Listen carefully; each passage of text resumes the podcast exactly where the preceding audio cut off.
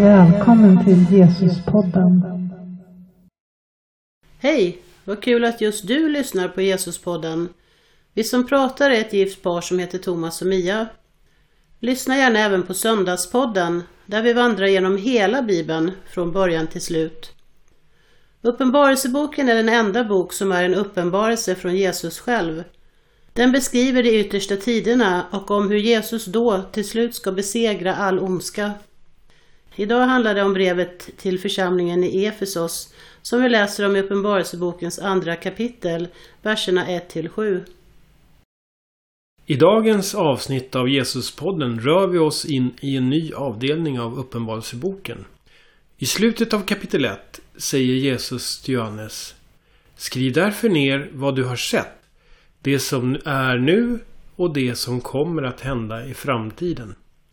Det här, det är den struktur som Uppenbarelseboken följer. Kapitel 1 handlar om det som Johannes själv har sett, nämligen Jesus och hans liv. Kapitel 2 och 3 handlar om det som nu är.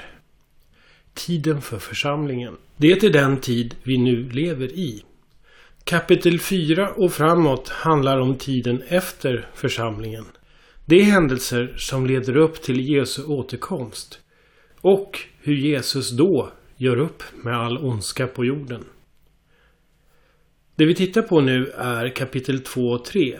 Och det är brev skrivna till sju församlingar. Det finns fyra sätt att läsa de här breven på.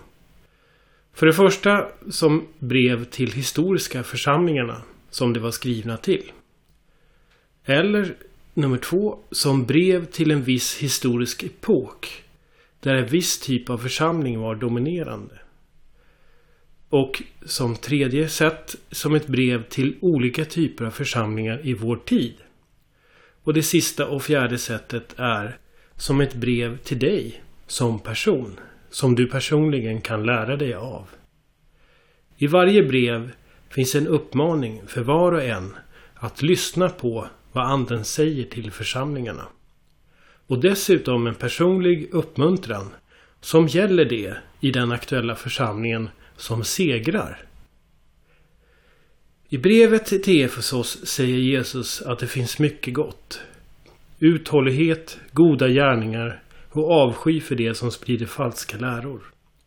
Trots att så mycket är rätt finns en mycket skarp tillrättavisning som om församlingen inte omvänder sig från så kommer Jesus ta bort deras lampställ från sin plats. Tillrättavisningen var att de tappat bort sin första kärlek. I sin iver att göra rätt, att genom en massa verksamhet göra goda gärningar, tappas det mest centrala bort. Att vara Jesu följare handlar inte primärt om vad du gör eller presterar. Det handlar om relationen med Jesus och kärleken som den ger. Gärningarna blir sedan ett naturligt utflöde av denna kärlek.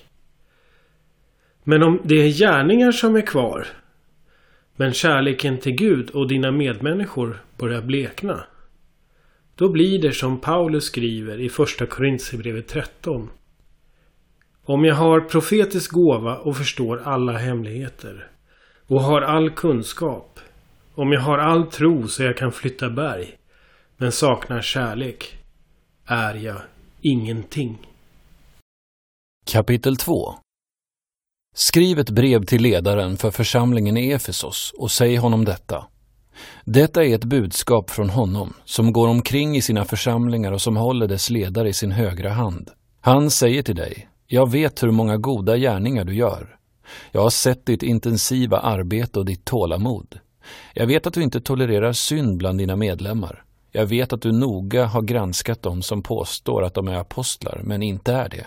Du har förstått att de ljuger. Du har tålmodigt lidit för mig och inte gett upp. Ändå finns det något som inte är som det ska. Du älskar mig inte längre som du gjorde från början.